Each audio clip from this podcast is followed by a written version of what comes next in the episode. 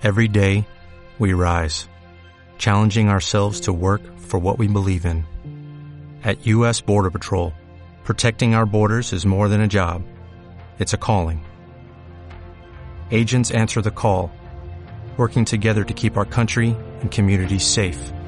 If you're ready for a new mission, join U.S. Border Patrol and go beyond. Learn more at cbp.gov/careers. Noticiesdelta.cat, el butlletí informatiu per saber tot allò que passa al Delta de l'Ebre.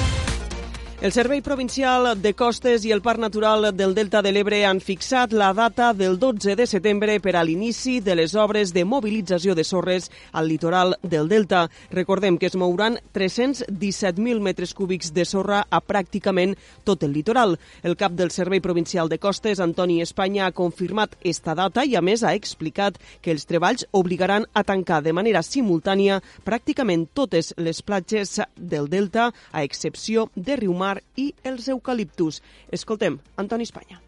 Ja hem acordat amb el Parc Natural que començarem a obres el dia 12 de setembre, el dia després de la diada, eh, perquè, clar, haurem de moure arena per totes les platges del Delta, excepte Riomar i Eucaliptus.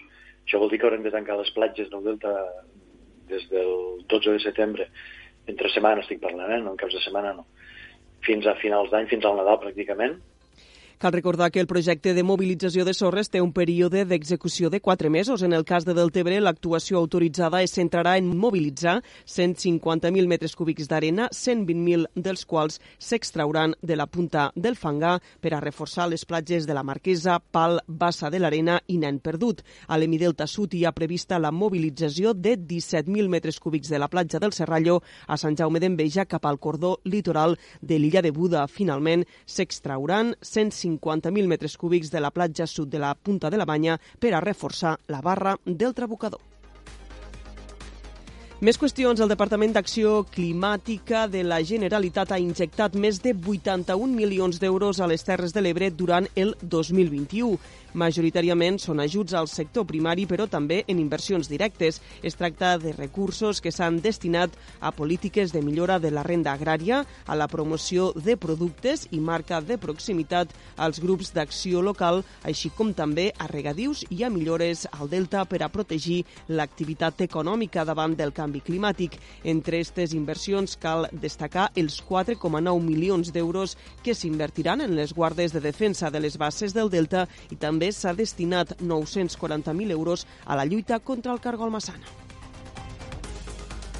I encara un apunt més, l'Ajuntament de Deltebre ha posat en marxa una nova campanya de conscienciació ambiental del residu al recurs que s'allargarà fins a l'inici de l'estiu. L'objectiu de la campanya és incentivar la correcta gestió dels residus i estimular-ne la prevenció, incidint novament en la importància del reciclatge i la cura del medi ambient i de l'entorn més proper. Mitjançant curiositats, dades informatives i recomanacions, la campanya recorda quina funció tenen les diferents fraccions de recollida selectiva, així com la deixalleria i punt verd i la recollida de voluminosos. Així mateix també es vol remarcar i recordar que durant l'estiu el reciclatge no fa vacances. Per tal d'arribar a grans i menuts, la campanya es divulgarà a través de diferents canals, com és el cas de xarxes socials, les pantalles LED distribuïdes en diferents emplaçaments del municipi o bé a través del lliurament d'un recurs didàctic que repartirà entre xiquets i xiquetes per tal que puguen treballar a l'aula la gestió dels